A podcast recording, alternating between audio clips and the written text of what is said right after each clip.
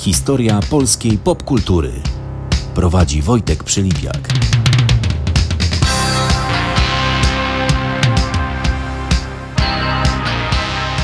Dzień dobry, cześć. Nazywam się Wojtek Przylipiak, a to cykl audycji Historia polskiej popkultury.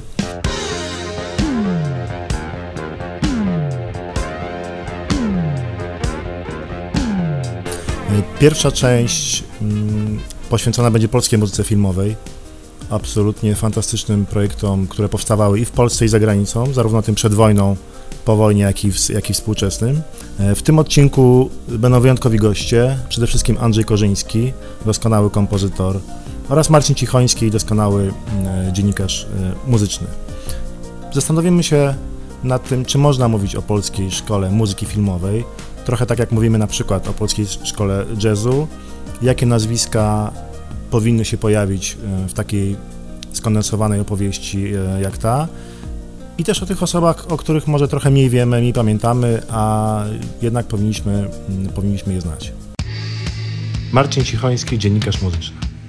Myślenie o polskiej szkole muzyki filmowej narzuciłoby nam taki sposób myślenia, że e, traktujemy tę scenę jako pewien rodzaju zamknięty gatunek, tak jak możemy, mogliśmy mówić o, o grunge'u, czy możemy mówić o różnego rodzaju prądach w muzyce, muzyce jazzowej. Natomiast to, co najpiękniejsze jest w polskiej muzyce filmowej, jest jej niebywała różnorodność, eklektyczność, e, nawet w, w, w ramach tego, co robili poszczególni kompozytorzy. Stąd pewnie niektórzy historycy i teoretycy muzyki oburzą się na to, ale moim zdaniem taka szkoła jest. Natomiast nie da się jej zamknąć w takich ramach, jakich byśmy chcieli, gdybyśmy kategoryzowali muzykę na potrzeby encyklopedyczne czy leksykalne.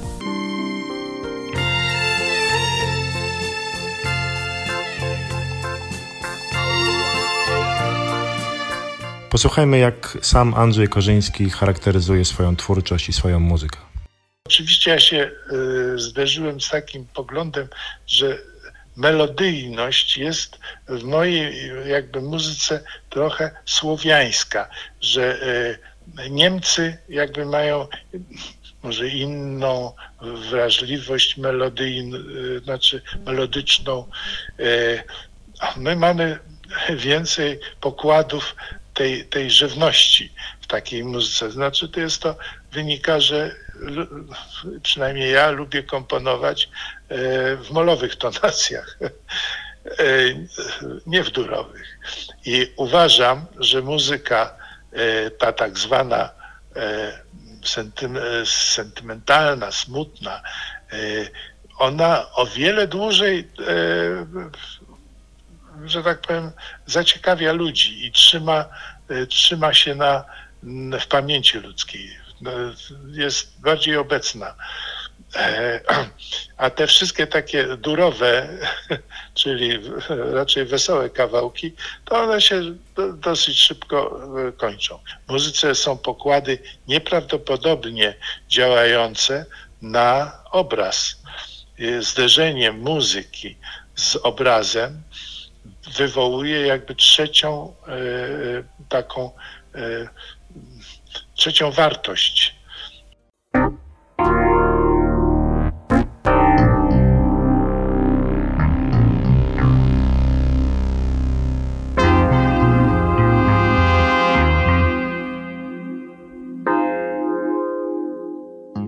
Marcin Cichoński mówił o eklektyzmie tych um, artystów polskich, kompozytorów muzyki filmowej. No tutaj Korzyński jest doskonałym przykładem, ale ten eklektyzm i różnorodność ich, ich wyborów i, i tego, co prezentowali podczas swojej wieloletniej kariery, e, pokazują już kompozytorzy, którzy działali przed wojną. No tutaj takie dwa absolutnie nazwiska, bez których nie, mo, nie mógłby ten, ten, ten program, ta audycja się odbyć. To na pewno Henryk Wars i Bronisław Kaper.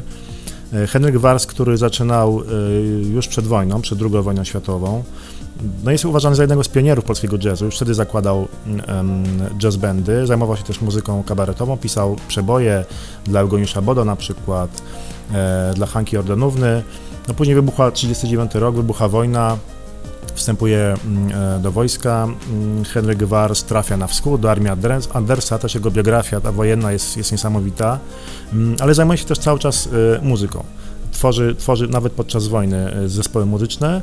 No i koniec końców po wojnie trafia, trafia do Hollywood. Jego początki nie są łatwe, E, ale potem okazuje się, że jednak e, no, ta jego mm, historia muzyczna i ta otwartość na przeróżne bardzo, bardzo gatunki, bo to był nie tylko, nie tylko jazz, ale muzyka popularna wtedy, wtedy szeroko rozumiana, bo jego przeboje wykonywali chociażby Bing Crosby i Doris Day.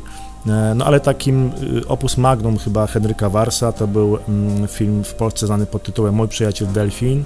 Mm, to był 60, 63 rok i takie jego najsłynniejsze tematy muzyczne, ale pisał też setki tematów do, do seriali, do westernów, więc ta powojenny czas w Hollywood y, absolutnie Henryka Warsa, który zresztą tak naprawdę nazywał się Warszawski, ten czas był wyjątkowy i on już zmarł w Los Angeles, jak już tam, jak już tam zamieszkał. Zresztą podobną drogę przebył e, Bronisław Kaper, też urodzony jak Henryk Warszawski w Warszawie, E, też przed wojną już działał e, w Polsce e, kulturalnie, kabarety, zespoły muzyczne.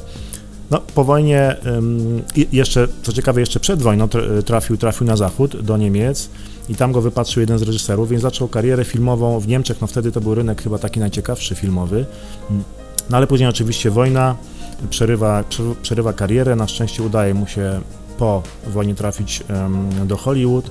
E, no i tam realizuje ponad 150 filmów i to jest absolutnie nazwisko, jeśli chodzi o muzykę filmową, nie tylko polską, ale w ogóle światową, e, bardzo istotne, bo był kilkukrotnie nominowany do, do Oscara, innymi za fantastyczną muzykę do filmu Bunt na Bounty, jego piosenki śpiewali mm, e, Ella Fitzgerald, Tony Bennett, jego tematy grał Miles Davis, Bill Evans, Coltrane, e, no ale, ale filmy. Przede wszystkim takim filmem chyba najważniejszym w jego karierze jest musical Lily, za który dostał Oscara, to był 53 rok. No I tak jak mówię, cztery nominacje, ponad 150 filmów, więc w Hollywood to była absolutnie bardzo istotna osoba. Też jemu zawdzięcza się bardzo wiele mm, skupionej uwagi w latach szczególnie 60. i 50. na polskim kinie, bo bardzo pomagał i dbał o to, żeby Hollywood wiedziało o tym, że polskie kino i polska też muzyka filmowa jest bardzo ważna. I e, Bronisław Kaper e, też zmarł w Los Angeles. Natomiast z drugiej strony jeszcze jedno nazwisko takie sprzed lat, e, to jest Mieczysław Weinberg. On z kolei tuż po wojnie wyjechał na, na wschód. Urodził się w Polsce, ale zmarł w Moskwie i tam właśnie w Związku Radzieckim robił swoje najwybitniejsze rzeczy. No tutaj chociażby film Lecą żurawie, myślę, że myślę, że jeden z najważniejszych w ogóle filmów w historii, w historii kina. Film nagrodzony Złotą Palmą w Cannes. No i autorem muzyki jest właśnie Mieczysław Weinberg.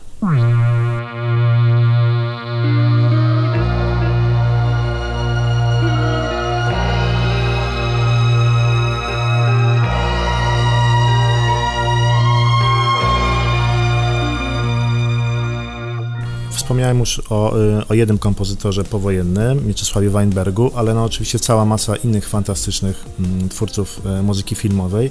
Myślę, że można mówić o takim nurcie mm, troszeczkę awangardowym, chociaż kilka tematów, których napisali y, autorzy, o których za sekundę wspomnę, no jest bardzo popularnych, ale mm, Wojciech Kilar, Krzysztof Penderecki i Henryk Mikołaj Górecki, szczególnie ten ostatni, mój absolutnie ulubiony twórca, chociaż nie stricte filmowy.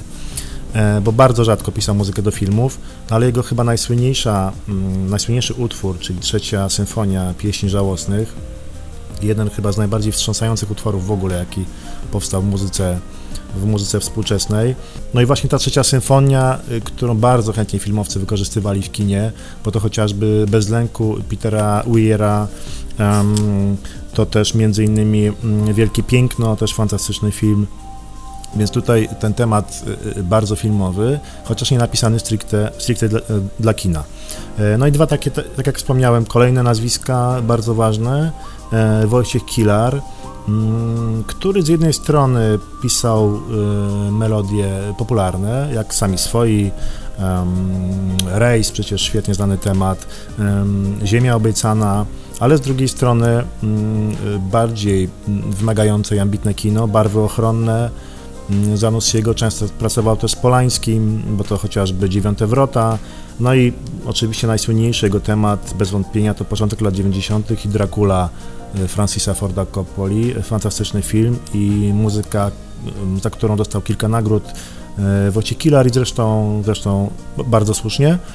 No i, i, trzecia postać, zmarły niedawno Krzysztof Penderecki, na absolutnie jeden z najważniejszych kompozytorów w ogóle e, w historii, w historii polskiej muzyki.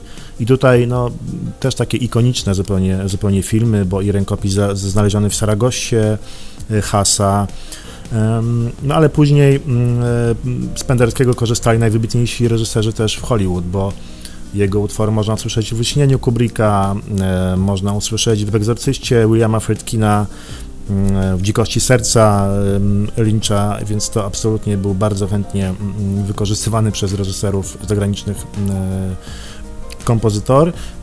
I też w pewnym sensie o awangardę zahacza jeden z bohaterów dzisiejszego, dzisiejszej audycji, Andrzej Korzyński,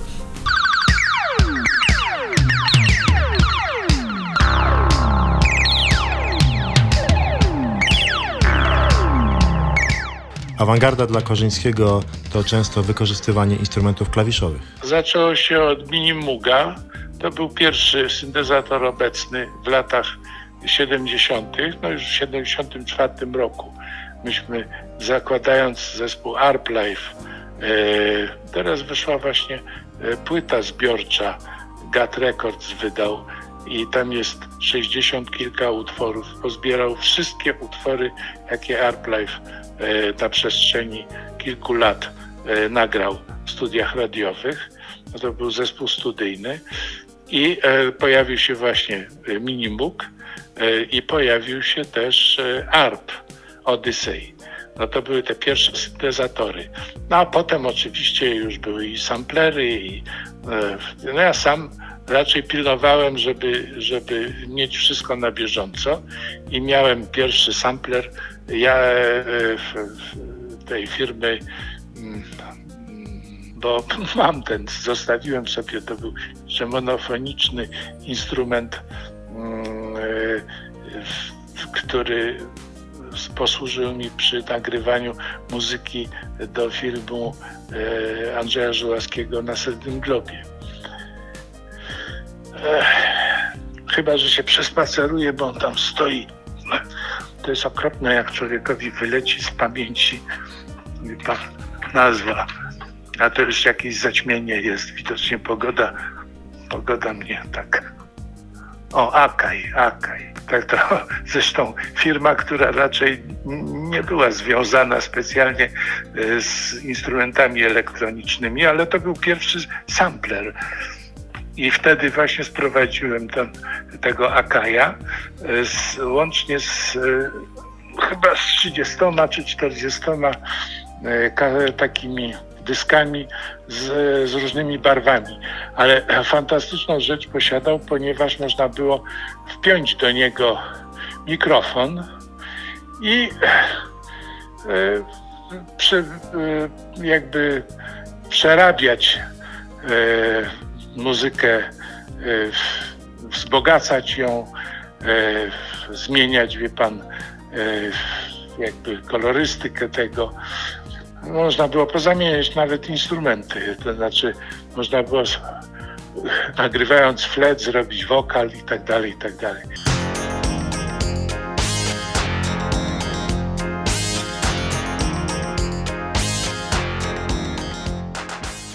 Też nie ukrywam, że Korzyński jest jednym z moich y, y, ulubionych twórców y, muzyki filmowej, ale nawet nie tej takiej najbardziej popularnej czy ogrywanej e, w, różnych, w różnych mediach, jak właśnie chociażby Akademia e, Pana Kleksa. No ale z jednej strony to właśnie Arplife, o którym e, o zespole wspomina Korzyński w rozmowie w, tej audycji, no to było absolutnie awangardowa, awangardowe wydarzenie na skalę chyba można powiedzieć europejską. W Polsce to jeden z pierwszych projektów y, elektronicznych. Y, Andrzej Korzyński bardzo szybko zafascynowany był syntezatorami i różnymi sprzętami. Y, bardzo, bardzo też szybko miał wszystkie nowości u siebie w, w domowym studio bo mm, w kilku wywiadach opowiadał mi, jak miał swój ulubiony sklep w Hamburgu, znajomości, gdzie przyjeżdżał i za, za dewizy dostawał najnowsze, najnowsze wszystkie sprzęty, na których nagrywał chociażby materiały dla, dla ARPLife, mm, ale nie tylko, bo właśnie dużo momentów ścieżki dźwiękowej z Tulipana, e, serial Tulipan, to też jest nagrane na klasycznych syntezatorach i to jest m.in. i Yamaha DX7 i Roland e, TB303, no to takie kultowe instrumenty, na których absolutnie wszyscy chyba najważniejsi artyści lat 80. nagrywali, jak, e, jak nie wiem, jak Depeche Mode, jak, jak Aha, i wiele innych, wiele innych wykonawców. E, Akademia Pana Kleksa to też jest dużo wykorzystania tych klasycznych syntezatorów i to nie tylko jeśli chodzi o tło muzyczne, ale jakieś takie dziwne dźwięki, na przykład z laboratorium Filipa, Filipa Golarza. Więc y, y, myślę, że absolutnie można powiedzieć, że Andrzej Korzyński był awangardowym kompozytorem, e, ale nie tylko, nie tylko elektronika, no bo cała masa y, muzyki filmowej do takiego chyba reżysera, z którym najlepiej mu się współpracowało i najwięcej zrobił, to jego prywatnie przyjaciela, o czym, o czym w wielu wywiadach mówi Andrzej Korzyński, czyli Andrzeja Żuławskiego, znali się już chyba od szkoły podstawowej. No i faktycznie muzyka do, do filmów Żuławskiego, autorstwa Korzyńskiego jest troszeczkę inna niż, niż do innych historii, no bo też filmy Żuławskiego były, były bardzo specyficzne. Z drugiej strony Andrzej Wajda, też bardzo ważny reżyser dla, e, dla Korzyńskiego, który mu w pewnym sensie pomógł na przełomie lat 70., 80., no bo Korzyński mm, jakoś dziwnym trafem zawsze miał pod górę, mimo że pisał praktycznie same przeboje i jego muzyka, czy do seriali, czy do filmów telewizyjnych, czy kinowych była praktycznie każda hitowa to na przykład polskie nagrania nie chciały mu wydać płyty z Akademii Pana Kleksa, jak już w końcu wydali, to okazała się wielkim przebojem. Kilka razy próbował za granicą y, kariery, ale nie do końca się udawało. Jak wracał, to mu zabierano paszport, y, y, oskarżano go o to, że jakieś pieniądze defrauduje, bo wpłacił nie do tego banku, co, e, co trzeba. Więc cały czas były jakieś, jakieś, jakieś perturbacje w historii mm, w twórczości Andrzeja Korzyńskiego, no ale właśnie Wajda był między innymi jednym z tych reżyserów, który jakby wyciągnął do niego rękę. No i słusznie, bo chociażby temat e, Baby Bam zaczerpnięty z twórczości Arp Life do Człowieka z marmuru, y, jakby no to chyba jeden z najsłynniejszych tematów filmowych w polskiej mm, e, muzyce filmowej, w polskim kinie, ale pisał też do, do Człowieka z żelaza mm, Andrzeja Wajdy muzykę, więc tutaj absolutnie takie, mm, takie ikoniczne obrazy. No i wiele takich seriali popularnych, jak wspomniałem, Tulipan, ale też na przykład Janka, e, doskonała ścieżka dźwiękowa do innego popularnego bardzo filmu, do Wielkiego Szu, która zresztą niedawno chyba po raz pierwszy w ogóle ukazała się, um, ukazała się na płycie. Um, tu na pewno też warto wspomnieć dwóch wydawców, którzy, którzy jakoś tak szczególnie e, polubili twórczość Andrzeja Korzyńskiego i dzięki nim możemy dzisiaj e, e, poznać wiele soundtracków, które gdzieś tam zaginęły, o których też Korzyński, pamiętam, że mi opowiadał na przykład mm, o soundtracku do, mm, jedne, mm, do jednego z filmów Andrzeja Żuławskiego, że on gdzieś został odkryty na jakimś korytarzu wytwórni we Wrocławiu i miał być przekazany na, na przemiał. Tak samo miał iść do spalenia materiał z, z muzyką z Akademii Pana Kleksa.